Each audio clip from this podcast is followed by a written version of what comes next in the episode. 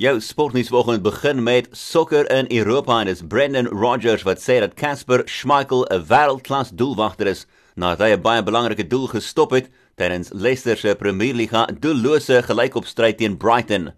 In gisteraand se ander Engelse Premierliga kragmeting is dit Tottenham Hotspur wat vir eerste keer in 8 wedstryde gewen het.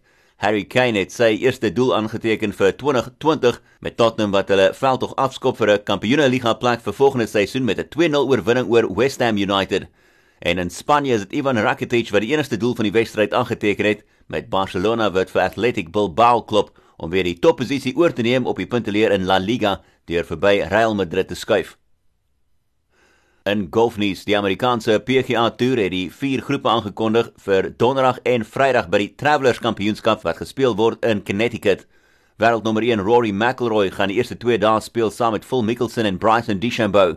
Brooks Koepka gaan afslaan saam met Xander Schauffele en Justin Thomas. Webb Simpson speel saam met Chaz Reavie en John Rahm en is Dustin Johnson saam met Colin Morikawa en Jordan Spieth.